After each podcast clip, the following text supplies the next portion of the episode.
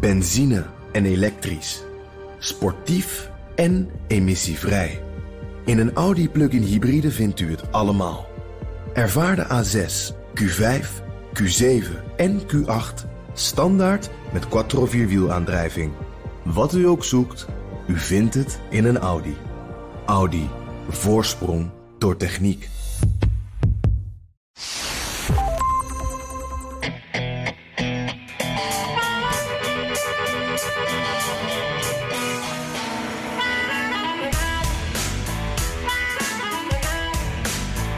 President Trump zet het licht op groen voor de machtsoverdracht naar Joe Biden. Maar die rechtszaken, die gaan gewoon door. This might be the closest to an actual concession statement from the president we ever get. And even then, he said he will continue to work to overthrow the election in court. Somewhere out there, Rudy Giuliani is burning the midnight oil or melting the midnight grease paint. Ja, Melting the Midnight Grease Paint. Eh, je hoorde een beetje het venijn bij de presentator, deze keer op CNN. Giuliani's team leidt de een naar de andere nederlaag. En met de start van de transitie lijkt het spel toch echt wel gespeeld. Maar Trump stopt niet. Waarom eigenlijk niet? Dit is aflevering 52 van de Amerika-podcast. Mijn naam is Jan Posma, thuis aan de keukentafel met de verse bak koffie. En het is de week dat het 57 jaar geleden is dat Kennedy werd vermoord in Dallas. Dus ik heb hier een kopje voor me, Bernard. Daarop staat Coffee with Kennedy. Ik ben Bernard Hammelburg vanuit de BNR-studio. Het is weer een spannende week, Jan. Uh, al moet ik zeggen dat het gesprek dat ik de afgelopen week in New York om me heen hoorde... niet over Biden of Trump ging, maar over corona. Iedereen zit met geknepen billen te wachten of de volledige lockdown, die met het uur waarschijnlijker wordt, ook echt komt. Wat is jouw nieuws? Ja, hetzelfde. Het, uh, hier in Washington is het, uh, zijn de aantallen zo aan het, aan het toenemen. Eigenlijk veel meer dan het dit, jaar, dit voorjaar was. Dus het is eigenlijk erger dan dit voorjaar. En daar wordt wel gespannen naar gekeken. Ook met, naar de ziekenhuizen natuurlijk. Uh, alles hier eigenlijk. En wat dan ook nog een beetje meespeelt op het moment dat wij elkaar spreken... is het Thanksgiving hier in Amerika. En de afgelopen dagen zag je al overal lange rijen staan... voor de, de testcentra, voor de testtenten... Uh, allemaal mensen die snel nog even een coronatest wilden halen, zodat ze daarna op familiebezoek konden. Uh, maar daar is ook wel, uh, zijn ook wel grote zorgen over hier. Want al die mensen gaan dus wel op reis in dat volle vliegtuig, hebben dan wel zo'n testje gehad, maar gaan na dat volle vliegtuig dus bij, bij opa en oma aan tafel. nou ja, is hier wel heel wat ja, angst over wat over twee weken, wat de gevolgen hiervan gaan ja, zijn. Ja, maar het, is wel, het was wel een mooi dagje voor de luchtvaartmaatschappij voor het eerst, hè? Ja, al die maanden. Precies, precies. Wel, want die, ja, er werd aan alle kanten gewaarschuwd. Doe het niet, doe het niet, doe het niet. Maar die, dingen, die machines zaten volgens mij allemaal vol. Dus dat was dan wel weer apart. Ja, precies. Ja, en, en, wat betreft. Uh, ja? Sorry hoor, nog even bij jou in New York. Want ik ben dan ook wel benieuwd. Jij zegt mensen zijn echt bang voor, ja, voor uh, weer een lockdown. Hoe, hoe gaat dat dan nou? Dat, hoe merk je dat? Nou, dat merk je omdat de, de, de R-factor, weet je wel, die reproductiefactor, die is in Nederland rond de 1. Nou, net iets boven de 1. Hij was er net iets onder. Hij moet eigenlijk eronder zitten. Uh, zeggen alle deskundigen. En hij is in New York City uh, boven de drie. Dus dat is echt enorm. En dat, dat, dat, dat was de reden waarom de scholen weer zijn gesloten. En ja, je hebt nu situatie die je in Washington ook kent. Met restaurants waar dan een paar mensen binnen mogen zitten. En een handjevol buiten in tenten met verwarmingsinstallaties en zo. Uh, en iedereen denkt, ja, dit kan nog even duren, maar ook dat gaat weer dicht. Dus iedereen zit in die, in die grote stad die eigenlijk niet geschikt is om dat mensen. De, de, de woningjes zijn gewoon te klein om met z'n allen ja, thuis precies. te moeten zitten. Hè. Iedereen, zeg ik altijd, Ja. woont daar in een bezemkast.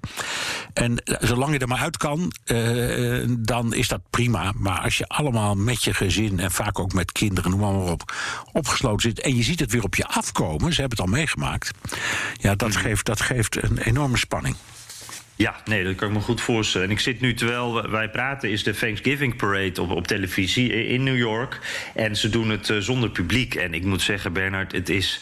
Ja, dat is het toch niet, hoor. Het, Nee. eh, een beetje spookachtig is het. Heel uh, geestig zo. Ja, je weet, mijn motto is: The city that never sleeps is in een coma. En dat, is, eh, dat, dat merk je elke dag weer. Mensen trekken ze dat vreselijk aan. Nou ja.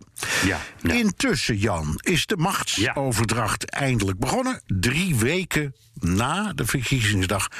Ho- Hoeveel heeft Biden hier nu mee verloren aan tijd, moeite, inspanning, activiteiten enzovoort?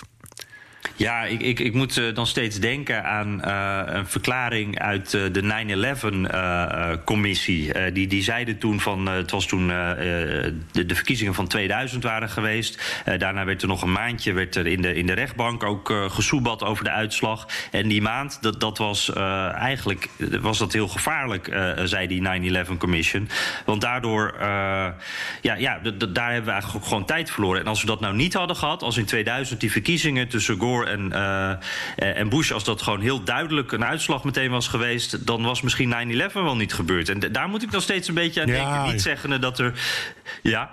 Nee, het is waar. Ik, ik, plotseling denk ik, want dat rapport, heette die Hamilton, geloof ik, dat, dat, dat uh, congreslid. Dat ja. ja. daar stort één ding in dat ik nooit heb vergeten. Dat is dat in die hele, vanaf het moment dat het gebeurde, hè, en toen werd er dus alarm geslagen en het, het hele militaire apparaat kwam in, in, in, in beweging. Uiteindelijk uiteindelijk is in, in een periode van weet ik veel hoeveel uur wel geteld één F-16 opgestegen. En dat was toch een, mm. dat was een lesvliegtuig. Niet eens een echte bommenwerper. Dus het hele militaire apparaat lag stil. En wat, jij, wat jij nu zegt is, ja, het gevaar is natuurlijk dat dat nu weer kan gebeuren. Hè? Je moet er niet aan denken dat er nu op dit moment een aanval zou zijn op de Verenigde Staten. Ja, precies. En dat is natuurlijk niet iets waar je van uitgaat. Maar dit hele systeem is er natuurlijk juist op ingericht dat je daar wel op voorbereid bent. Dat, dat op 20 januari bij die inauguratie dat iedereen helemaal up-to-date is. Hit the ground running. Dat er echt uh, dat niemand meer gebriefd hoeft te worden. Uh, en nou, je bent hier toch eventjes een paar weken kwijt. En, en dat zijn dan uh, weken waarin dus nou, mensen die, die hoge ambtenaarsposities of ministersposten, dat soort plekken, die hebben nog geen security clearance. Dus die weten eigenlijk nog niet wat er in die ministeries leeft. Uh, normaal gesproken wil je ook zo snel mogelijk gaan praten met de mensen in die ministeries. Op bezoek, op de koffie. Nou is het daar, daar waarschijnlijk ook een beetje stil nu vanwege corona. Maar die contacten die zijn er dan in ieder geval. Alles zodat je weet wat er speelt. En zodat je daarop uh, ook zelf uh, op in kan spelen. Op het moment dat je zelf dus in die positie zit. En ja, dat, dat kan op dit moment allemaal. kon dat nog niet.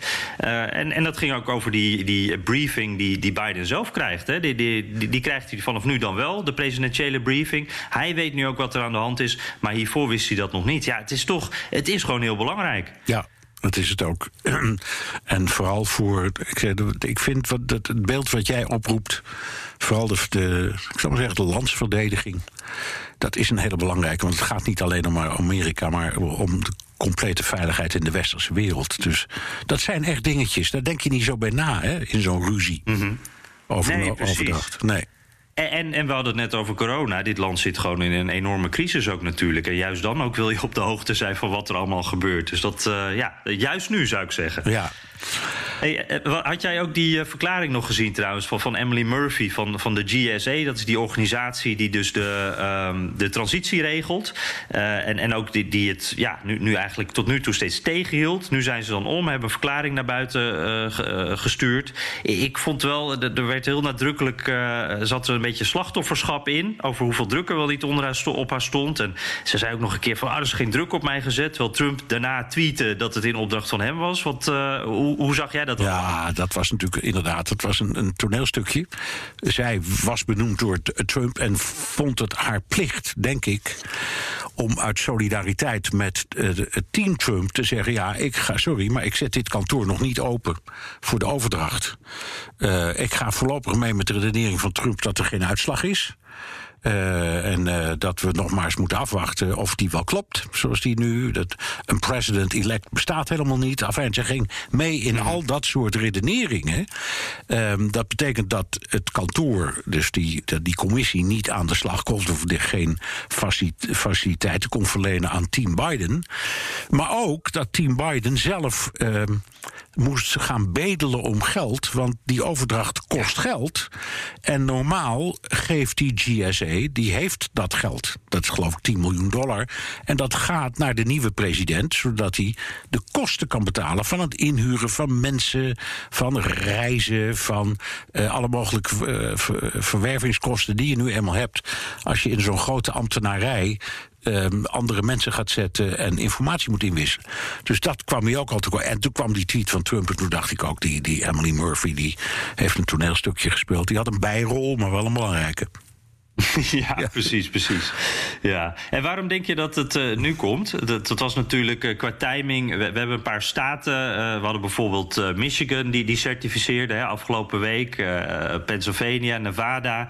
De, is dat het geweest? Of had het ook te maken met Republikeinen die druk zetten op Trump? Wat ja, zit hierachter, denk je? Ja, ik denk allebei. Ik denk de toenemende druk van die Republikeinen op Trump. Die zeiden: je moet echt door de knieën ook, ook maatjes. Hè? Niet alleen maar mensen die in die partij toch moeite met hem hebben, maar ook, ook echt vertrouwelingen. En uh, die zeiden: je moet hiermee ophouden. Met het, je, je gaat deze slag verliezen. En je hebt ook de verkiezing verloren. En daar, en daar kwamen dan toen die die drie staten bij die werden gecertificeerd. Uh, en nou doet hij wel allerlei pogingen om dat weer ongedaan te maken. Maar goed, los daarvan, op dat moment denk ik dat de mensen om hem heen hebben gezegd: nu moet je op zijn minst uh, Emily Murphy toestemming geven om haar kantoor open te zetten. En dan zien we wel weer. Maar je kunt dit niet meer langer tegenhouden. Dit is gevaarlijk. En het is ook slecht voor je eigen naam. Dus doe dat nou maar. Ik denk dat dat hem was. Ja, ja, nee, dat denk ik ook inderdaad. En het, er zit ergens een soort compromis in. Hè? Dat, dat Trump uh, niet toegeeft dat hij heeft verloren. Dat gaat hij waarschijnlijk ook nooit doen. Maar dat hij dan in ieder geval wel deze toezegging doet. Dat hij in ieder geval. Uh, we zijn op een bepaalde manier toch een stapje verder gekomen. Ja, ondertussen gaat het, uh, het theater gewoon door, Jan. ze, ze blijven ja. doorgaan met vechten. Ja, ja, ja, ja. Ja, en, en dat is iets. Uh, uh, we hebben het al vaak over gehad, die, die botsende realiteiten. Hè? En, en dat, dat wordt steeds meer, zeg maar. Het is soms echt een beetje om hoofdpijn van te krijgen. Want aan de ene kant zie je dus inderdaad dat de een naar de andere staat certificeert. We weten allemaal wat er in de rechtbanken gebeurt. Ik, ik ben de tel even kwijt, maar ergens rond de 35 zaken die de Trump, het Trump-team en de mensen rond Trump verloren hebben. ik geloof dat ze de één of twee gewonnen hebben hebben. Uh, dus ja, het is wel heel erg duidelijk. En, je ziet dus ook dat die Republikeinen, die senatoren, die gouverneurs, daar is dat ook wel duidelijk voor. Die zeggen dat ook steeds meer. Maar uh, in, de, in de rechtbank, de, de, daar gaat het gewoon door. En, en dan is er ook nog dat spelletje wat, wat, gespeeld wordt, dat um, Republikeinse leden in het Huis van Afgevaardigden in Michigan, Nevada, Pennsylvania, dat die ja, zouden moeten besluiten om eigenlijk de, de, de kiesmannen aan Trump toe te wijzen. Ook al is de uitslag uh, voor Biden geweest. En, en ja, dat, dat probeert uh, Trump dus een beetje zo via de achterkamertjes te regelen. Hij heeft uh, natuurlijk een delegatie uit Michigan al over de vloer gehad. met Pennsylvania wil hij hetzelfde doen. terwijl het volgens mij daar eigenlijk toch al te laat voor is. Maar goed, zo wordt er een beetje druk gezet. En zo proberen ze dan toch wat, ehm, ja, in ieder geval wat reuring te veroorzaken. En in ieder geval het beeld te laten ontstaan dat het allemaal niet eerlijk is. En wat mij ook met name dan weer opviel was in Pennsylvania. dat was gisteren. Um, daar werd een zitting gehouden, uh, een hoorzitting. En dat ging over die fraude uh, bij de verkiezingen in Pennsylvania. Die er volgens de Trump-campagne dus uh, grootschalig is. En dat was, moet je je voorstellen, het was niet in de rechtbank, maar in een hotel. Een hotel in Gettysburg. wat we kennen van de, die bekende slag bij Gettysburg. in dat hotel, daar zaten dan al die mensen. En, en er werden met publiek erbij. Dus het was echt letterlijk voor de bühne. En ehm, ja, daar werden al die, die bewijs, al die bewijslast werd nog een keer genoemd. Allemaal dingen die dus door de rechter al zijn afgewezen of in de rechtbank helemaal niet gepresenteerd zijn. En uh, toen sprak Trump ook uh, de mensen daar nog even toe. Hij belde in en dat klonk zo. We have to turn the election over. Because there's no doubt we have all the evidence, we have all the affidavits, we have everything. All we need is to have some judge listen to it properly without having a political opinion or having another kind of a problem because we have everything. And by the way, the evidence is pouring in now as we speak. Ja, dat, dat, die twee zinnetjes, hè, dat hij zegt van... Uh, ja, we hebben alleen maar een rechter nodig die ons gelijk geeft. Nou, heeft hij, dat, dat klopt, maar uh, die hebben we tot nu toe nog niet gehad. En hij zegt, de evidence is pouring in. Maar we zijn nu... Uh, Drie weken na de verkiezingen. En uh, waarom is dat bewijs dan nog niet bij die rechters aangekomen? Ik, uh, ja, we, wat voor gevoel heb jij hier, Bernard? Is hier nog een klein uh, paadje over richting een herverkiezing voor Trump? Nou, je mag het nooit uitsluiten, want officieel is het, het, het, kiescollege maakt pas op 6 december zijn, zijn officiële keuze bekend. Dus dat moeten we altijd in de gaten houden. Maar laten we nou even bij Pennsylvania blijven, waar Trump dus inbelde op die bijeenkomst. in, in, in Pennsylvania, zoals in bijna alle staten in Amerika, worden de kiesmannen gekozen door het volk. Dus de kiesmannen die deel uitmaken van dat kiescollege dat uiteindelijk de president aanwijst. En ik ben er, nou, na, ik ben geen jurist, maar ik ben er nagenoeg zeker van dat als zo'n groep eenmaal gekozen is, dat je die niet meer mag vervangen door een mhm. andere groep. En zeker niet als die andere groep politici zijn. Uh, of uh, vriendjes van politici die aangewezen zijn door republikeinse leden van een staatsparlement. Dat kan volgens mij gewoon niet. Uh, bovendien, de, de gouverneur heeft de uitslag gecertificeerd, gecertificeerd. Dus als dit gebeurt, ja, dan hebben al die mensen die zeggen Trump is bezig met een staatsgreep, die krijgen een beetje gelijk. En bovendien, het zou door de rechter worden weggehoond. Gesteld dat dat voor de rechter komt of voor het Hoge Rechtshof, dat zal onmiddellijk zeggen: ja, jongens, dan haal je het hele kiesstelsel onderuit. Als, als stemmen zijn geteld, als de gouverneur zegt: de, ik certificeer de uitkomst, dan is het klaar. Ja, ja, precies. Het, uh, en, want wat voor president zou je dan ook schapen? Dan zouden toch helemaal. Dan zouden verkiezingen eigenlijk niks meer betekenen, toch? Nee. Zonder bewijs van, van fraude, uh, dit allemaal uh, omver gooien. Ja ja dat, dat is ook zo. En, en nogmaals, je moet, ik, ik heb best begrip hoor voor al die mensen die zeggen: ja, maar er is zoveel reden tot twijfel. En er zijn toch aanwijzingen dat de dingen niet kloppen. Ik snap dat best. Maar als de mensen die erover gaan en het hebben bestudeerd, ook partijgenoten van de president zeggen: ja, joh, dit is hem echt. Ja, dan moet je daarbij eh, kunnen neerleggen. Ja, en kunnen we dan hierbij uh, gewoon vaststellen: dit is echt allemaal theater? Hè? Het was letterlijk dus die hoorzitting gisteren alleen voor het publiek, uh, niet voor de rechter. Uh, maar ook in de rechtbank, als je kijkt ook naar de resultaten, wat binnen de rechtbank wordt gezegd en wat buiten de rechtbank wordt gezegd door het team van Trump, daar zit nogal verschil in ook. dit is allemaal voor de bühne. Ja, dat is het ook. Um, Niettemin, dat, ik weet niet hoe dat bij jou is, maar ik krijg heel veel berichten van mensen Um, die, die sturen dan allerlei links aan me op. Uh, en die hebben ook weer allerlei verhalen gehoord. En dat komt er allemaal op neer. Die fraude is glashelder. Dus hier is iets smerigs aan de hand. Dus het, is, draait bijna om. Ze zeggen, ja. die Biden is een staatsgreep aan het plegen. Krijg, krijg jij ja. dat soort berichten ook. Want het zijn mensen die, nou ja, het is erg geïnteresseerd zijn, het nieuws goed volgen. Uh, ik, ik denk aan, neem aan dat dat niet allemaal geboren activisten zijn. Dus heb jij ook die indruk? Of krijg jij dat ook allemaal uh, binnengestuurd?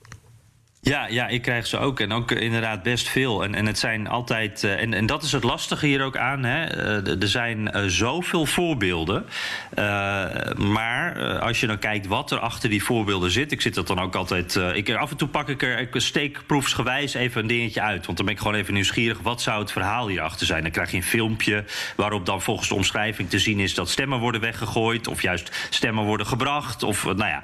het zijn altijd schimmige dingen. en dat, dat dan probeer ik dat te factchecken, te zoeken wat ik daarover kan vinden. En eigenlijk uh, in alle gevallen blijkt dan van, oh, je ziet op het filmpje net iets anders dan wat omschreven wordt.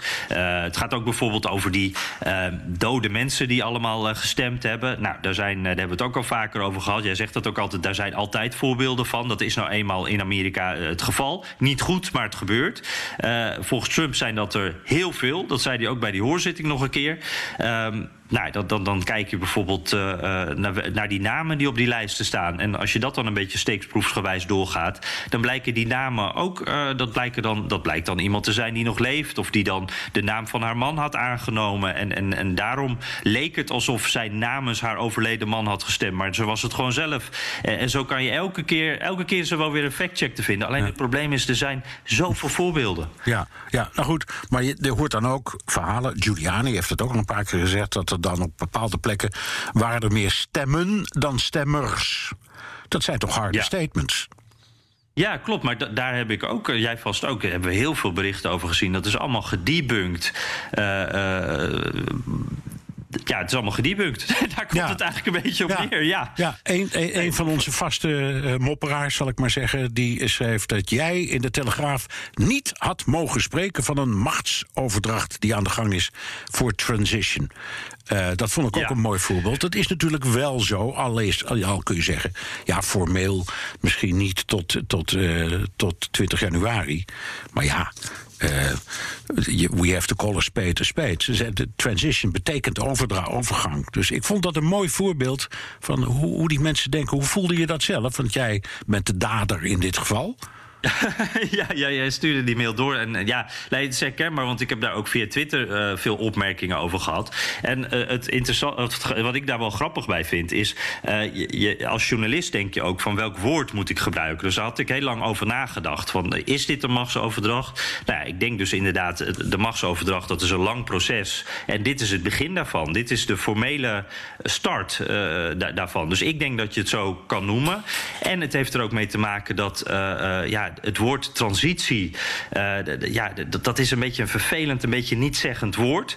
Uh, dus daar zit, heb ik ook lang aan zitten denken van ja, moet ik het nou transitie blijven noemen? Moeten we het wat anders noemen? Nou, daarom kwam ik op machtsoverdracht, omdat het volgens mij de lading beter dekt. Klopt, uh, het is ook zo. Daar krijg ik inderdaad ook kritiek op, want het klinkt ook heftig natuurlijk. Ja, maar ja. dit is het begin van die overdracht. Ja, en ik krijg dan te horen van critici, ook tegen ons, dat wij van het journaaien die Trump meedogenloos aanpakken, maar compleet kritiekloos zijn over Biden. Ja, ja, ja dat, krijg ik, uh, dat krijg ik ook wel te horen. Ja, wat er dan ook meespeelt, denk ik. Uh, ja, Trump is nog steeds de president. Uh, dat maakt hem toch nog steeds belangrijker dan die man die wel speeches geeft en mooie woorden heeft, maar nog geen macht heeft. dat speelt mee. En ja, als ik even heel eerlijk ben, dit, dit gaat natuurlijk, dit is ook een te mooi verhaal eigenlijk natuurlijk. Hè. Trump die een verkiezing niet erkent, een uitslag niet erkent, dat, dat is iets, dat is gewoon nieuws. Ook al zijn we misschien inmiddels een beetje gewend aan alle, alle gekke dingen die Trump doet en de manier waarop die regeltjes oprekt. Daar moet je ook over schrijven. Dat is iets groots, vind ik. Ja, dat, dat hoe, is het. kijk jij? Ja, nee, ik ben het er helemaal mee eens. En bovendien, we weten nog niet zoveel van Biden. We weten iets van zijn plannen. We weten veel over zijn verleden. Maar dat was allemaal niet zo prominent, want hij was senator en vicepresident. Dus het is niet iemand die echt groot beleid op zijn naam heeft staan. Dus je kunt op dat punt ook niet zo heel veel vinden. Dus dan kom je in details over menselijk gedrag en weet ik wat allemaal. Ja. Iedereen wel wat op zijn kerfstok. Dus daar kunnen we niet zoveel mee. En jij hebt gelijk, Biden is nog niet zo'n groot verhaal. Dat zal hij misschien wel worden na 20 januari.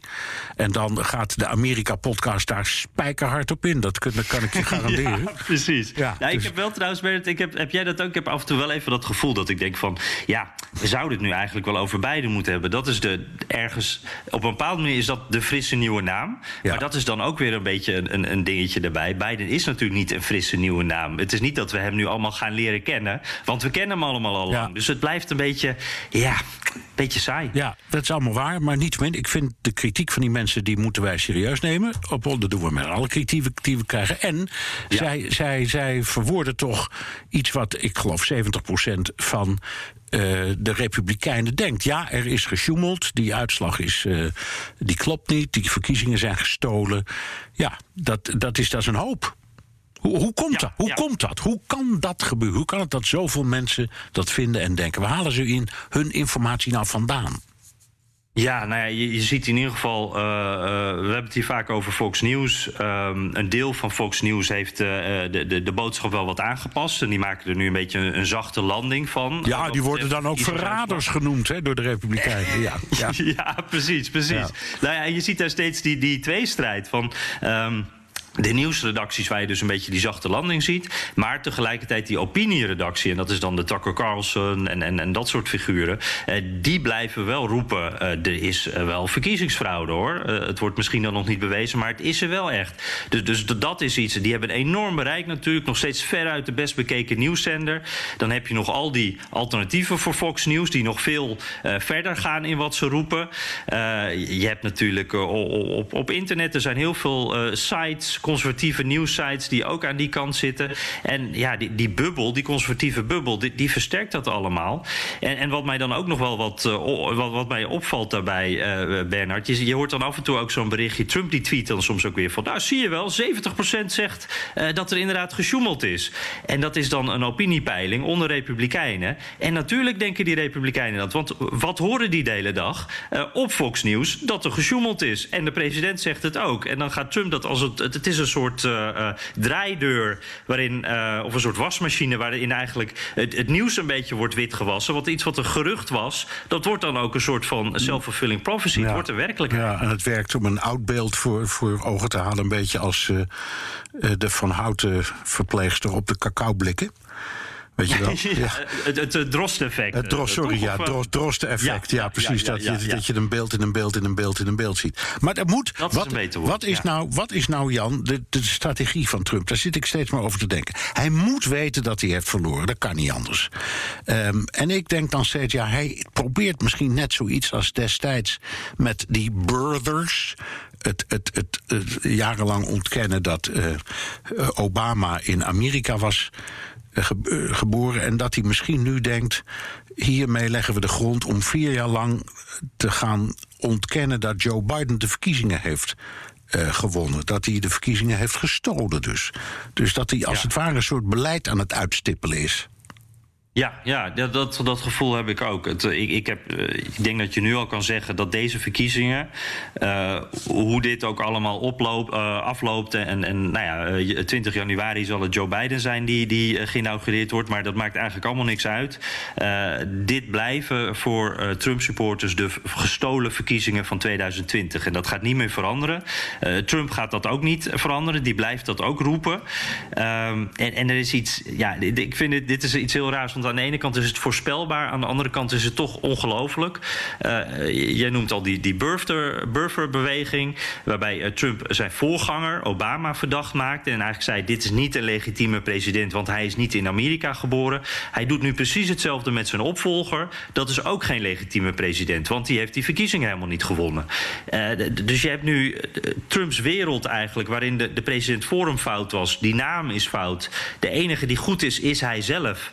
En uh, het, het, is Trump tegen de wereld. En, en of wat dat nou is, of, of dat nou is om uh, die herverkiezingscampagne voor 2024 op te starten, of het voor dat mediabedrijf is dat hij op zou willen starten, of dat hij geen van die dingen doet, maar gewoon uh, zijn eigen verhaal wil vertellen en, en, en zijn nederlaag wil maskeren. Ik, ja, het is een beetje, we moeten dan een beetje in zijn hoofd kruipen. Maar wat denk jij, Bernard?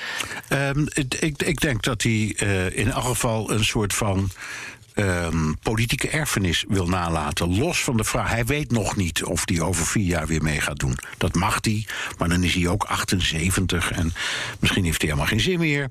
Of misschien wil hij een van zijn familieleden lanceren, zou ook kunnen. Ja, maar hij wil, ja. de, ik denk dat hij. Uh, in afval in de, voor de Republikeinse Partij een soort erfenis wil nalaten. onder het, ja, ik zal maar zeggen, onder het kopje. Jullie, jullie, mijn partij, in dat congres of waar je ook zit in de Staten, hebben eigenlijk nog de macht. Dus die Biden zit illegaal in dat Witte Huis. Trek je er niks van aan. Pak het gewoon over vier jaar weer terug. Ik, ik denk, denk dat dat. dat het, uh, denk dat voor hem ook uh, misschien dat Trumpisme, zijn, zijn Ja. gedachtegoed, dat, dat, ook daar, dat hij dat ook wil redden? Absoluut. Zeker. Hm. Ja. Ja, ja het, het, uh, dat is een interessante. Dat zou heel goed kunnen. Weet je wat het gek ook altijd is? We, we heel vaak denken wij van... Uh, is dit nou uh, strategie van Trump? Of kijkt hij het stapje voor stapje? als je nu kijkt naar bijvoorbeeld die rechtszaken... en, en hoe hij dit allemaal aanpakt... En, en ook wat een zootje het in zijn juridische team is... dat is echt dramatisch en, en, heel teleurstellend... denk ik ook voor heel veel Trump-supporters. maar als je dat bekijkt, dan denk je van... ja, die Trump die kijkt toch maar één stapje vooruit. Het is niet... ze zeggen wel eens... oh, maar die Trump, het is allemaal een groot plan. Het is uh, 3D-schaken. Dat gevoel krijg je niet bij. Maar bij zoiets, de, de, die strategie voor de langere termijn... ik weet nooit of hij daar nou al over na heeft gedacht of niet. Dat blijft iets, ja, iets onduidelijks voor mij. Ja, dat weten we niet. Het kan ook best zijn dat het allemaal geconditioneerde reflexen zijn. ja. Daar is hij ja. op zichzelf heel goed in, want hij heeft daar heel veel mee bereikt. In ieder geval in zijn eigen politieke kring. En we moeten blijven onderstrepen dat bijna de helft van het volk op hem heeft gestemd. Ja. En een groot deel daarvan ook gewoon achter hem blijft staan. Zo is het, uh, ja. Ja, en uh, ja, stel uh, 20 januari uh, 2021, hè, 1 minuut over 12. Uh, Joe Biden staat op dat podium waar Trump is, dat, dat weten we niet. hoe schat jij dat in? Wat, wat, wat zou er dan gebeuren? Dus allerlei speculatie, hè, dat hij meteen allemaal zaken aan zijn, aan zijn broek krijgt. Fraude, machtsmisbruik, sabotage van de kieswet, allerlei dat soort dingen. Um, Wat gaat er dan gebeuren? Ben je, ik wil eigenlijk er naartoe, daar wordt namelijk veel over gespeculeerd. Of Biden dan gratie zou verlenen. Hoe, sta jij daar? Ja, dat is een fantastische vraag. Ik, ik weet, ik ken het niet. Ik lees al die stukken ook. Uh, er zijn een paar dingen. In, in, in de eerste plaats zou als hij gratie, als Biden gratie verleent, dat alleen gelden voor zaken die um, volgens het uh, federale recht. Uh, van belang zijn, zoals uh, overtreding van de kieswet of, of uh, machtsmisbruik, uh, liegen tegen de, tegen de federale regering. Dat, dat zijn dingen die kunnen. Maar bijvoorbeeld de kwestie die speelt over belastingfraude is in New York is een kwestie van de staat New York tegen Donald J. Trump. En daar kan Biden niks aan, daar kan niemand iets aan doen. Dus zelfs als Trump, wat je ook wel eens hoort, zichzelf gratie zou verlenen, is hij nog, dan geldt dat nog steeds niet voor die die zaak die speelt uh, in uh, New York. En nu kom je bij de goede vraag: wat moet Biden nou doen? Als dit echt gaat spelen, hè? Um, mm -hmm. Je, je kunt zeggen, om, omwille van de voortgang van uh, de, de, samenleving, is het verstandiger dat een oud-president niet, uh, geen, niet in een in een oranje pak achter de tralies verschijnt. nee. dat, dat, dat is niet goed voor de samenleving. Um, je hebt ook een soort van maatschappelijke verantwoordelijkheid als president. Om, om te zeggen, dit is allemaal geweest, uh, maar wat mij betreft stand erover... en uh, ik ga het die man niet moeilijker maken dan hij het al heeft, want hij heeft verloren. En dan denken we meteen allemaal aan Gerald Ford. Denken we meteen aan Gerald Ford, Nixon, die, dat, die dat heeft gedaan met Richard Nixon. Maar dat ging om één misdrijf, en dat was Watergate. Um, niet om wat uh, Nixon verder allemaal op zijn kerfstok had, wat overigens er ook niet was. En Nix, Nixon was had niet een heel, uh, hele lijst van mogelijke misdrijven. Dat geldt voor Trump wel. Um, maar goed, hij zou het nog steeds kunnen doen. Um, alleen, we weten allemaal hoe het met Ford is afgelopen. Dat is de enige president in de geschiedenis die nooit is gekozen. Want, mm -hmm. want toen, toen, zijn, toen de verkiezingen uh, kwamen, toen heeft hij verloren tegen Jimmy Carter. Dus het heeft hem uiteindelijk het presidentschap gekost en ook de macht van de Republikeinse Partij. En dat is voor Biden ook een probleem, want als hij gratie verleent, ja, dan is het ook een soort politieke zelfmoord. Hoe denk je dat de, de, de Democratische Partij daarop reageert? Hoe ja, denk je dat, dat net de meerderheid van het Amerikaanse volk uh, uh, erop reageert die hem heeft gekozen? Want die wil wraak. Dus mm -hmm. hij zit echt, voor, als dit gebeurt, komt hij voor een spagaat te zitten. Geen idee hoe die eruit komt. Nee, want hij is natuurlijk de man die zich opstelt als de bruggenbouwer, die het land weer bijeen wil brengen. Ja. Uh, nou ja, dan zou dit dus bij kunnen horen. We zijn enorm aan het speculeren natuurlijk, want uh, misschien komt het nooit zo ver. Maar daar zou hij dus ook meteen dan uh, binnen zijn eigen partij zo de prijs voor kunnen moeten betalen. Dat het ook. ja, einde van. Hij gaat sowieso, denk ik, niet voor een tweede termijn trouwens. Maar in ieder geval, dat zou hem echt flink kunnen kosten, politiek. Ik, de, ik denk het ook. En ook als hij geen tweede termijn wil, dan wil zijn partij wel aan de macht blijven. Ja.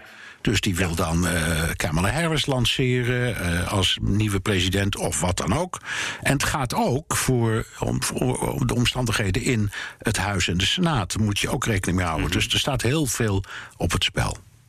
Ja, want hij krijgt natuurlijk, stel dat dit in het begin van zijn uh, eerste termijn zou gebeuren, dan, dan zou dat ook meteen heel veel politiek kapitaal kosten. En dan krijgt hij uh, daar meteen ook niet meer zoveel voor nee, elkaar. dan krijgt hij hetzelfde als wat is gebeurd met Clinton en met Obama. Dan verliest hij na twee jaar in beide huizen de meerderheid. Hij heeft nu nog in afval de meerderheid in één huis. Op zijn minst, de andere weten we nog niet. Uh, maar hij neemt een, een gigarisico. Dus het is echt, echt een hele ingewikkelde affaire. Maar niks waar Biden voor gesteld is, is makkelijk op dit moment. Nee, nee, dat is uh, waar. Die uh, krijgt een ongelooflijk moeilijke taak. Moeten we het nog even, je noemde het al even in het voorbijgaan... een ex-president uh, die zichzelf gratie verleent... of tenminste een president die zichzelf dus vooraf gratie verleent. Kan dat? Ja, weet niemand, hè? Uh, je, je, je, je, kunt er alle wetboeken op nalezen. Je, ze kunnen het niet vinden. Het is nooit gebeurd. Het is geen precedent. Niemand uh, durft het nog. Nie, nee. Uh, en Amerika is een land van precedentswetgeving.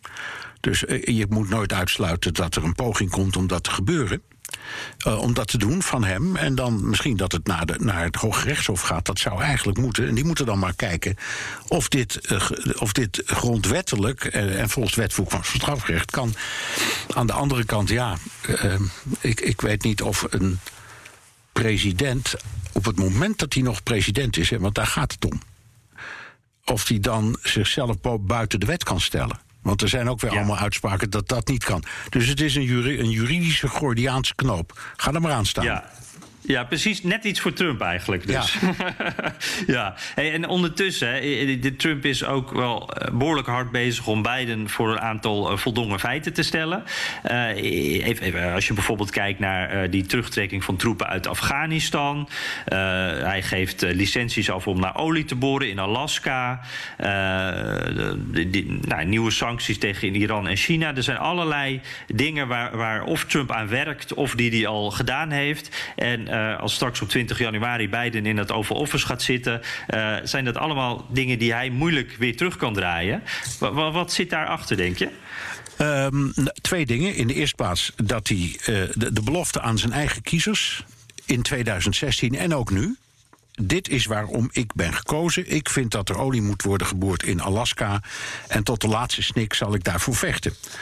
En de tweede is dat hij inderdaad eh, eh, Biden voor een aantal fait accomplis stelt. Hè, voldongen feiten. Misschien een soort verschroeide aarde. Ter- tactiek. Ik, ik zorg dat ik zoveel achterlaat dat, dat mijn opvolger daar eigenlijk niks meer aan kan veranderen, althans niet snel. Dus ik denk dat dat ook heel erg een rol speelt. Het past ook erg in zijn karakter. En wat ik dan wel eh, interessant vind daarin. Je kan zeggen, hij is nog president. Hij mag dit ook gewoon doen. Is ook zo natuurlijk. Maar er is misschien ook wel een reden waarom hij dit niet meteen aan het begin van zijn presidentschap heeft gedaan. en het allemaal even heeft laten liggen. Hij hoeft het ook niet te doen. Je kan ook zeggen van, eh, nou ja, ik weet dat het voor mij afloopt. Eh, we, we moeten een beetje eh, ja, smooth op zijn Engels. We moeten een beetje lang, een voorzichtige landing hebben richting de volgende president. Ik doe niet te veel gekke dingen meer. Maar dat denkt, denkt Trump dus ook niet. Wat, wat Ja. Hij mag het, maar je kan ook zeggen... het is een beetje Biden pesten, het is een beetje obstructie Ja. misschien zelfs wel. Ja.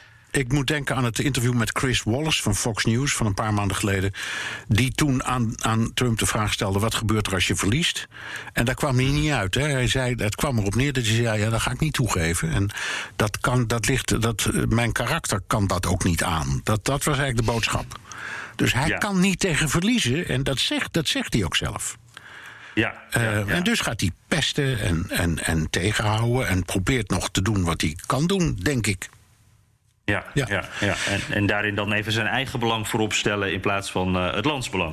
Misschien, of in elk geval wat hij ziet als het belang van hem en zijn, en zijn eh, directe omgeving. Dat, want het is, het is niet alleen maar voor hemzelf, het is voor wat hij dan denkt dat zijn gedachtegoed is. Dat, dat denk ik ook wel. En dan heb je. We, hebben het, we hadden het er al over, we hebben nog niet zoveel over Biden gesproken. Moet toch wel even. Die houdt redelijk zijn hoofd koel, kunnen we zeggen. Ja. Ehm, en ehm, nou ja, Trump heeft alle mogelijke pogingen gedaan om hem eh, te dwarsbomen. Dus eh, Biden heeft een tijdje lang zelf het begin van die ehm, overgang van die transition moeten financieren. Dat hoeft nou gelukkig niet meer. Maar het is eigenlijk een hele rare situatie. En ik, ik moet zeggen, als je zo naar hem kijkt... hij doet bijna, hij heeft er wel een paar keer eh, openlijk dan over gemopperd... zal ik maar zeggen, Biden. Maar in- hij stapt er als het ware overheen. Ja, ja, precies. En ik vind dat wel slim, moet ik zeggen hoor. Want wat we natuurlijk eh, wel geleerd hebben in de afgelopen vier, vijf jaar, dat, dat, dat Trump altijd het nieuws heeft gedomineerd. Dat eh, Trump bepaalt de agenda. En dat kan met kleine dingen zijn die eigenlijk een beetje onzin zijn. Eh, een relletje wat eigenlijk nergens over gaat, maar ja, te mooi is om te laten liggen voor media en, en ook zijn, zijn tegenstanders. Maar het kan ook om, om grote dingen gaan die wel belangrijk zijn. Maar hoe dan ook, Trump die bepaalt altijd waarover gesproken wordt. En ik denk dat de Biden-campagne eh, behoorlijk aan het begin meteen heeft gezegd: daar gaan we niet in mee.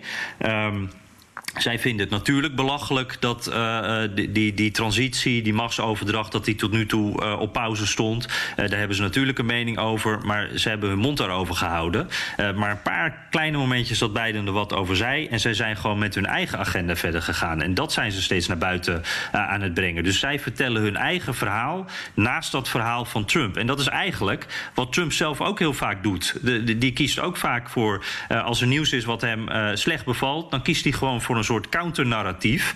Uh, wat dan de nieuwe waarheid wordt voor hem. En dat doet de Biden-campagne denk ik nu ook. Eh, door, door eigenlijk steeds te blijven hameren op de, de, de bijeenkomsten die ze houden om zich voor te bereiden. De nieuwe namen ook die naar buiten komen voor hun kabinet. Zij gaan gewoon stug door. En ik vind het eigenlijk wel slim. Ja. Ja, Trump, de, de, afgelopen week, het enige moment waarop hij deed waar jij, waar jij het nu over had, behalve dan natuurlijk uh, dat blijven roepen dat hij uh, heeft gewonnen, was op het moment dat hij even naar buiten trad om te zeggen dat de beurs een record had bereikt en dat dat aan hem te danken ja. was. Ja, dat dat is inderdaad zijn narratief, zo gezegd. En daar had hij ook misschien nog wel gelijk in op dat moment. In elk geval in de ogen van hemzelf en zijn volgelingen. Ja, precies. Ja, ja. En dat is eigenlijk het belangrijkste. Ja, en, en, en, en ja. ja. Nou, je had het over, over uh, Biden die zijn narratief kiest. En ook, uh, ja, die is gewoon bezig met zijn kabinetsformatie, toch? Ja, precies. En dat is, wel, uh, dat is wel weer interessant natuurlijk. Want daar zitten in ieder geval wel wat, wat namen bij die, uh, die we of nog niet hadden gehoord, of, of die je dan vaag wel eens eh, van lang geleden eens kende. Dus daar zit dan iets nieuws en iets fris in. En dat is interessant om te zien, want daar kan je dan ook zien wat, ja, waar Biden voor kiest, welke kant hij op wil. Alleen is dat dan allemaal wel weer oerdegelijk. En dat zijn allemaal namen die, die al, al jarenlang ook wat met Biden te maken hebben. Dus het is heel anders dan, uh, dan Trump op dat punt. Maar bijvoorbeeld uh, de minister van Buitenlandse Zaken, Anthony Blinken. Uh, ik zag hem omschreven worden, Bernard, als een diplomatieke diplomaat. Toen dacht ik van, nou ja, dat is heerlijk voorzichtig in ieder geval. Daar hoeven we geen gekke dingen van te verwachten. Nee, dat is, het, het, is een, het is inderdaad een internationaal erkende topdiplomaat.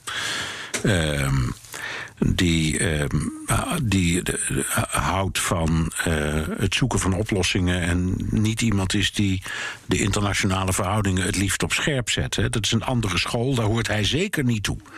Hij is meer van vrede op aarde dan van uh, zet je tanden erin.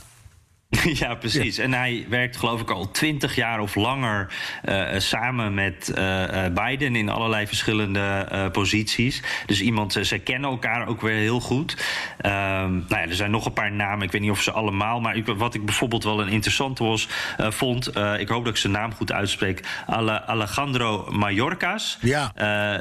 Ja, dan ja. moet jij ook meteen. Uh, ja, minister van uh, de Nationale Veiligheid, zeg ik, maar. Ik had nog nooit van hem gehoord, maar ik heb hem inmiddels uh, natuurlijk gegoogeld. Een, een Latino man van, ik meen, Cubaanse afkomst.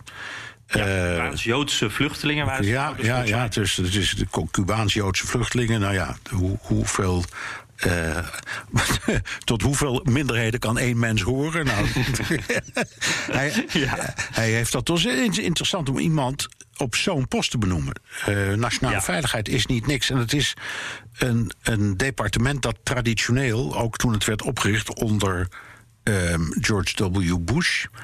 Uh, na 9-11. Um, ja, de naam had van superconservatief en spijkerhard. Nou kan het best zijn dat deze man dat ook is, hoor. Dat weet ik helemaal niet. Want we doen nou net of iemand met zo'n afkomst dat niet is. Ja, ja, maar in ieder geval is het een opvallende. Ja, precies. Dat er een, een Latino op die plek zit waar, waar ook bijvoorbeeld uh, waar immigratie en, en ja. de muur, al die dingen samenkomen. Dat is wel, uh, uh, nou, dat is wel een, een verschuiving, zullen we maar zeggen. Ja. en, en, eentje die ik ook, want die kennen we natuurlijk allemaal. John Kerry als klimaatzaar. Ja. Dat vond ik ook wel een mooi. Ja, oud-minister van Buitenlandse Zaken. Natuurlijk ook jarenlang senator, een goede vriend en collega geweest. Al die jaren lang van Joe Biden. Dus die, dat is echt uh, vestzak, broekzak, die twee. Mm. En, en een van de dingen die in het, de portefeuille zaten van Kerry... toen hij minister van Buitenlandse Zaken was, was klimaat. Daar heeft hij, hij heeft zich enorm ingespannen voor al die internationale klimaatovereenkomsten. En ook voor de verandering van het denken in de Verenigde Staten zelf.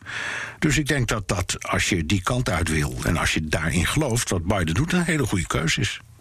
Ja, ja, hij heeft ook als minister van Buitenlandse Zaken heeft hij het uh, Parijsakkoord ondertekend. Ja. Uh, en, en die foto die tweette hij ook meteen met. Ik denk dat het zijn kleindochter was op schoot.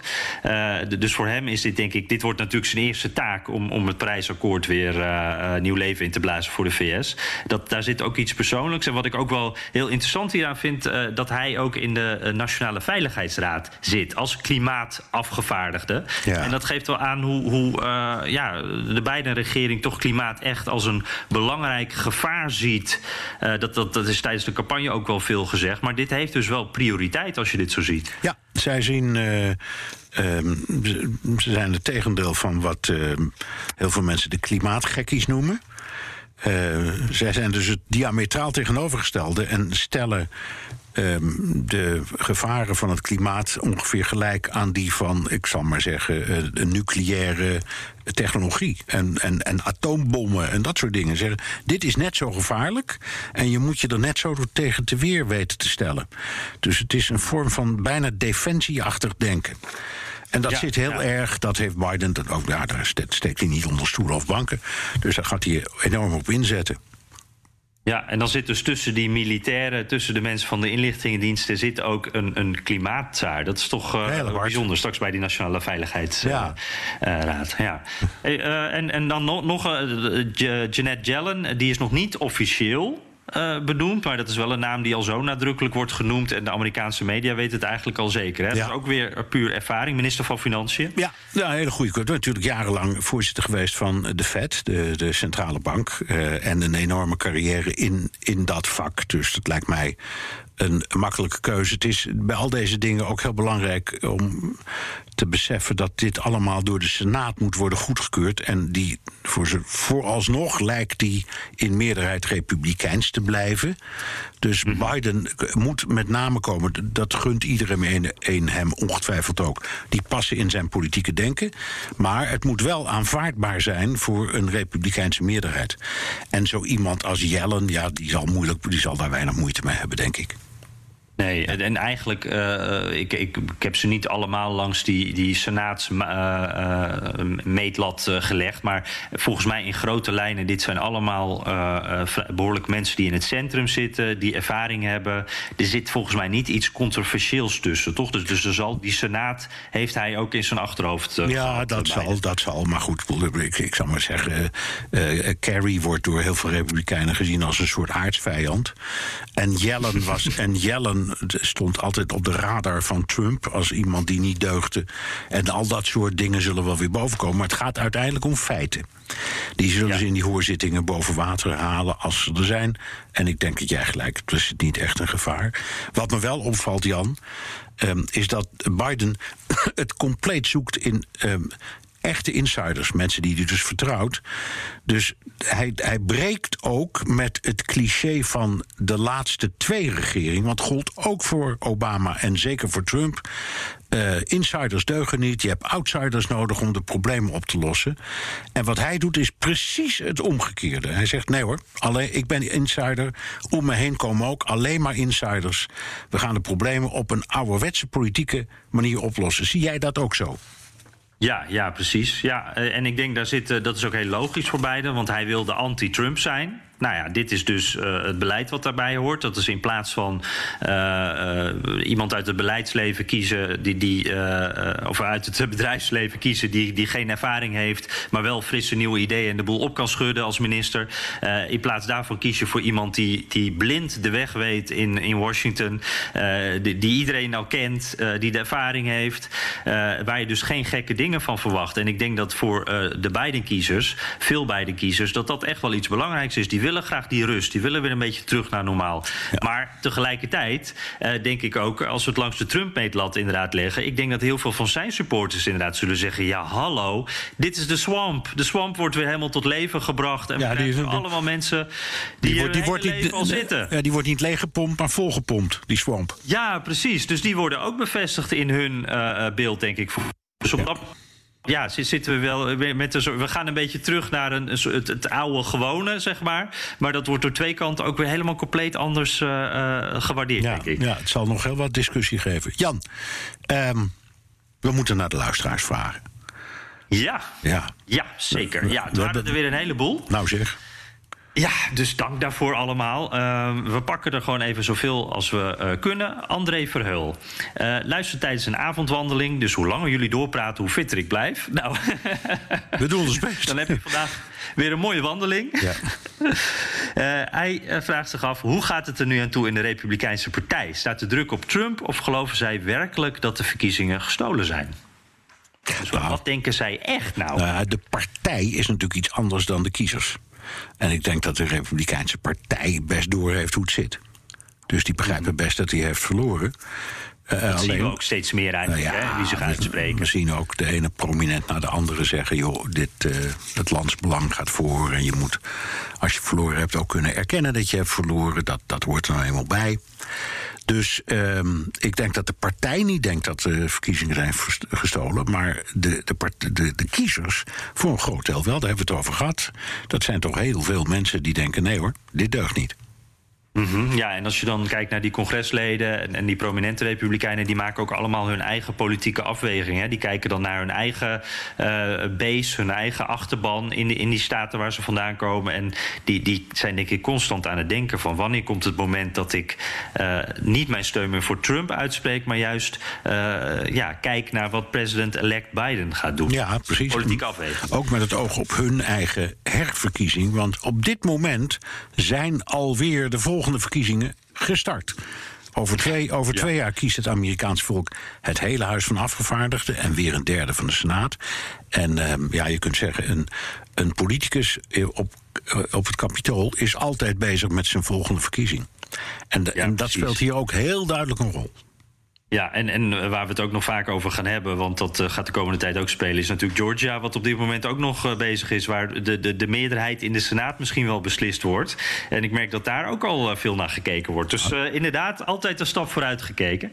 Um, Jasper van Veen, welke partij heeft volgens jullie de meeste eenheid? Republikeinen met als extreme de, nou ja, zeg maar de Tea Party kant of de Democraten met wat meer de linkse Sanders aanhang? En hoe gaat die verdeeldheid van invloed zijn? Ja. Wat denk je? Waar is meer eenheid? Nou, in, ik denk in de Republikeinse Partij. Uh, er is een gevecht geweest, dat is altijd als je een nieuwe partijleider krijgt, in dit geval Trump. Uh, maar ik vind dat hij de, zaak aardig naar zijn hand heeft weten te zetten. En ook de, de Republikeinen die zeggen: we, we, zijn, uh, we zijn het niet eens met zijn toon en al, die, en al die tweets en dingen die niet kloppen en zo. Dat vinden wij ook niet prettig. Maar de, de, de filosofie wel. Dus wat dat betreft, de, en de, de Republikeinen zijn traditioneel altijd een partij geweest, letterlijk van het midden van het land. Eh, van wat vaak de flyover zone wordt genoemd, daar zitten de meeste. Mhm. En in de flanken zitten de meeste democraten. In, in dat centrale gedeelte zitten ook de meeste gewone gemiddelde mensen. Um, en in die flankgebieden, daar zitten alle minderheden en alle uitzonderingen en alle eh, immigranten en noem het maar op. En die samen vormen de Democratische Partij. Dus die, de Democratische Partij heeft altijd veel meer fracties en veel meer Um, ja, wortels gehad. Dat is, dat is niet de gemiddelde Amerikaan die daarin zit. Daar zitten, mm daar zitten la, veel Latino's in. Daar zit inderdaad zo'n hele linkse flank van Sanders in. Uh, daar zitten Joden in, moslims in. Uh, allerlei groeperingen die zich bij de Republikeinen wat minder thuis voelen. Uh, en die optelsom, dat is de Democratische Partij. Dus dat per definitie altijd een beetje een verdeelde partij geweest. En, en, wat ook nog wel moeilijk gaat worden, uh, zij moeten het nu gaan doen, hè, die democraten. Ja. Die moeten regeren, die moeten resultaat leveren. Het is makkelijk om aan de zijlijn te staan. En misschien dat die republikeinen daar dus ook wel een beetje van kunnen profiteren. Uh, van een beetje, uh, nou, nu lekker een beetje van de zijlijn als beste stuurman toe kunnen schreeuwen. Zeker, en bovendien zijn ze veel beter, vind ik, in het mobiliseren van hun eigen achterban, de republikeinen. Mm -hmm.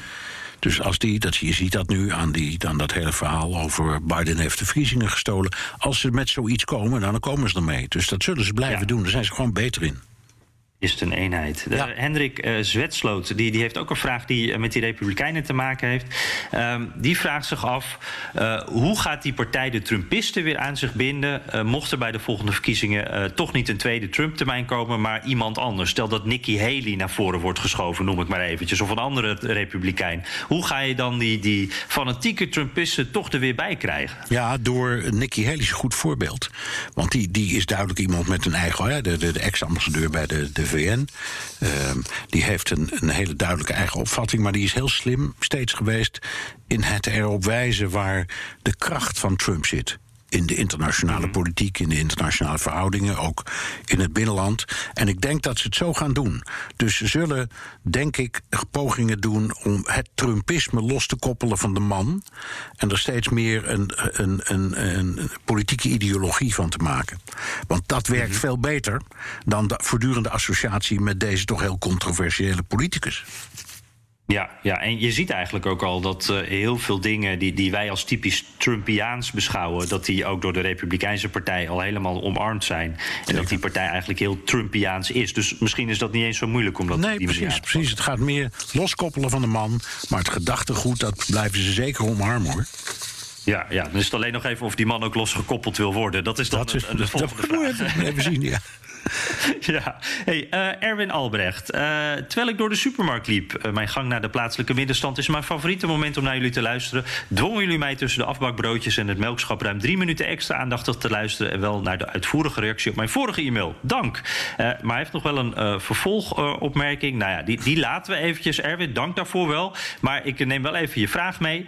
Ehm, hoe zie je de toekomst van het huidige kiesstelsel met zijn kiesmannen en het winner takes all principe? Is er kans op verandering? Ja, want we hebben nu weer eh, die, situatie ook eh, op, op verkiezingsdag zelf al een beetje dat je, eh, dat je ziet dat het kan gebeuren dat de persoon die de meeste stemmen heeft, Biden, de popular vote, dat die het toch misschien niet zou redden. Dat, dat zorgt er meteen weer voor allerlei gemor en dat verandert toch nooit. Hoe, hoe, komt daar ooit verandering in, Bernard? Het antwoord is nee. Het is heel simpel, heel kort, nee. Zolang, ik bedoel, ik, ik, ik eh, heb al een paar van die verkiezingen meegemaakt... en eh, jij en ik kennen de geschiedenis van dit land redelijk goed. De discussie is er elke keer, bij elke verkiezing. Als ze het hadden willen veranderen, hadden ze dat al lang gedaan. Want dit, de, de, de, de, kwestie van eh, Gore en, en Bush en Trump en Hillary... waren niet de enige in de geschiedenis waarbij de popular vote eh, eh, eh, niet overeenstemde met de kiesmannen. Dat is in de geschiedenis vaker gebeurd. En er zijn alle mogelijke momenten geweest om dat te kunnen veranderen. Dat willen ze niet. Dus het gaat niet gebeuren. Net zoals eh, in Nederland wij een eindeloze discussie hebben over de Eerste Kamer. Afschaffen, niet afschaffen, houden, weet ik veel wat. Maar wat voor krankzinnig systeem is het dat je provinciale staten kiest en dat de provinciale statenleden uit geheimzinnige eh, lijsten die wij zelf nooit zien, geen idee hebben die het werkt, een Eerste Kamer samenstellen. Nou ja, dan zegt toch ieder normaal mens, joh, kies die mensen toch rechtstreeks of Ja, schaf het ja, af. ja. En zo zijn er van die dingen, gaat in Nederland ook niet veranderen hoor. En dan hebben ze nog een hele ingewikkelde sleutel, want het totaal wordt dan weer gedeeld door 100 en dan weer vermenigvuldigd met een bepaald getal. Als je het naleest, je kunt er geen touw aan vastknopen. En we houden er toch, we we houden er toch aan vast. En zo is het in Amerika ook. Hey, en, en hij eh, noemt Erwin dan ook nog de Interstate Compact. Dat is die, die soort van overeenkomst tussen staten om dan maar gewoon te erkennen eh, wie de popular vote heeft gewonnen. Die wint dan ook de verkiezingen en daar gaan de kiesmannen naartoe. Dat, dat klinkt als niet een hele radicale oplossing. Zie je dat dan nog eh, een, een, een, ja, een, beetje, een beetje wind in de, in de rug krijgen? Dat dat iets kan zijn dat in de toekomst kan werken? Ik zou zeggen, dream on, Erwin. nou ja, het zijn geloof ik vooral eh, de, de mensen hier in de VS die het graag anders eh, willen zien. Maar dank eh, Erwin in ieder geval. Eh, ja, moeten we het hier dan ook maar even bij houden. Ik zie nog allemaal mooie brieven uit Nieuw-Zeeland, uit Ibiza, allerlei tropische plekken. Maar wij zijn een beetje door onze tijd heen, hè, Bernard. We Ja. moeten ook weer andere dingen gaan doen. Ja, ja zo is dat. Ja, nou ja, goed. Dus eh, het is, ja, zeg je... Nee, eh, nee, nee, nee, nee, nee. We Ja, moeten hard ja. zijn. Ja, het is niet anders, jongen. We- we- Even Ja, erbij moet zeggen, Jan. stoppen, wij kijken door die brieven, jij vooral. En daar zitten, er zitten zoveel, dat zijn er dus tientallen. Dus we kunnen ze eenvoudig niet allemaal altijd bespreken. Maar we blijven ons We best lezen ze wel allemaal, hè? we lezen ze absoluut en we blijven ons best doen. En de vraag daarmee samenhangt: heb je nog rec- recensies, Jan? Jazeker. Eh, terwijl hier volgens mij de buurvrouw op de deur klopt. Eh, dat deed ze net ook al eventjes. Maar er wordt nu open gedaan, dus mocht je wat horen, dan is dat het. Ehm, even kijken hoor. Eh, Michael Verdelis. Dat is de buurvrouw. Ja. Die zegt: geef vijf sterren. Voer tot nadenken. Heren, wat een prachtige podcast. Tijdens het wandelen over de grote zaken des levens na te denken. Terwijl we machteloos kijken naar de wil van het volk in Amerika. Voer voor de hersenen, dank en ga zo door. Dus uh, mooie filosofische recensie. Ja, heel mooi. En, en terwijl die deur bij jou open stond, wordt de kwaliteit van jouw verbinding net iets minder. Dus, dus, dit is een prachtig moment om af te sluiten. Terugluisteren, ja. terugluisteren kan via de BNR-site, Apple Podcast of Spotify. Heb je vragen, opmerkingen, kritiek of complimenten? Dat kan ook met een tweet naar Jan Postma USA of BNR De Wereld of heel ouderwets. Met een mailtje naar dewereld.bnr.nl. Ja, en laat ons ook even weten uh, hoe je naar ons luistert en waar vinden we namelijk ook altijd uh, heel erg leuk om te lezen. En uh, ik zeg dan nu dank voor het luisteren en de groeten van mijn buurvrouw. Ik moet eerlijk zeggen, ik weet niet of jullie dat gehoord hebben, maar ook tijdens de podcast stond ze ook al even te kloppen. Dus toen heb ik haar maar gewoon even laten kloppen. Arme buurvrouw, allemaal voor jullie. Dus okay. tot volgende week. Wij, wij, dachten al hoor, wie klopt haar kinderen, maar we weten het. ja, ja, dat is iets te... Oké, okay, dag Jan, tot volgende okay, week. Hoi.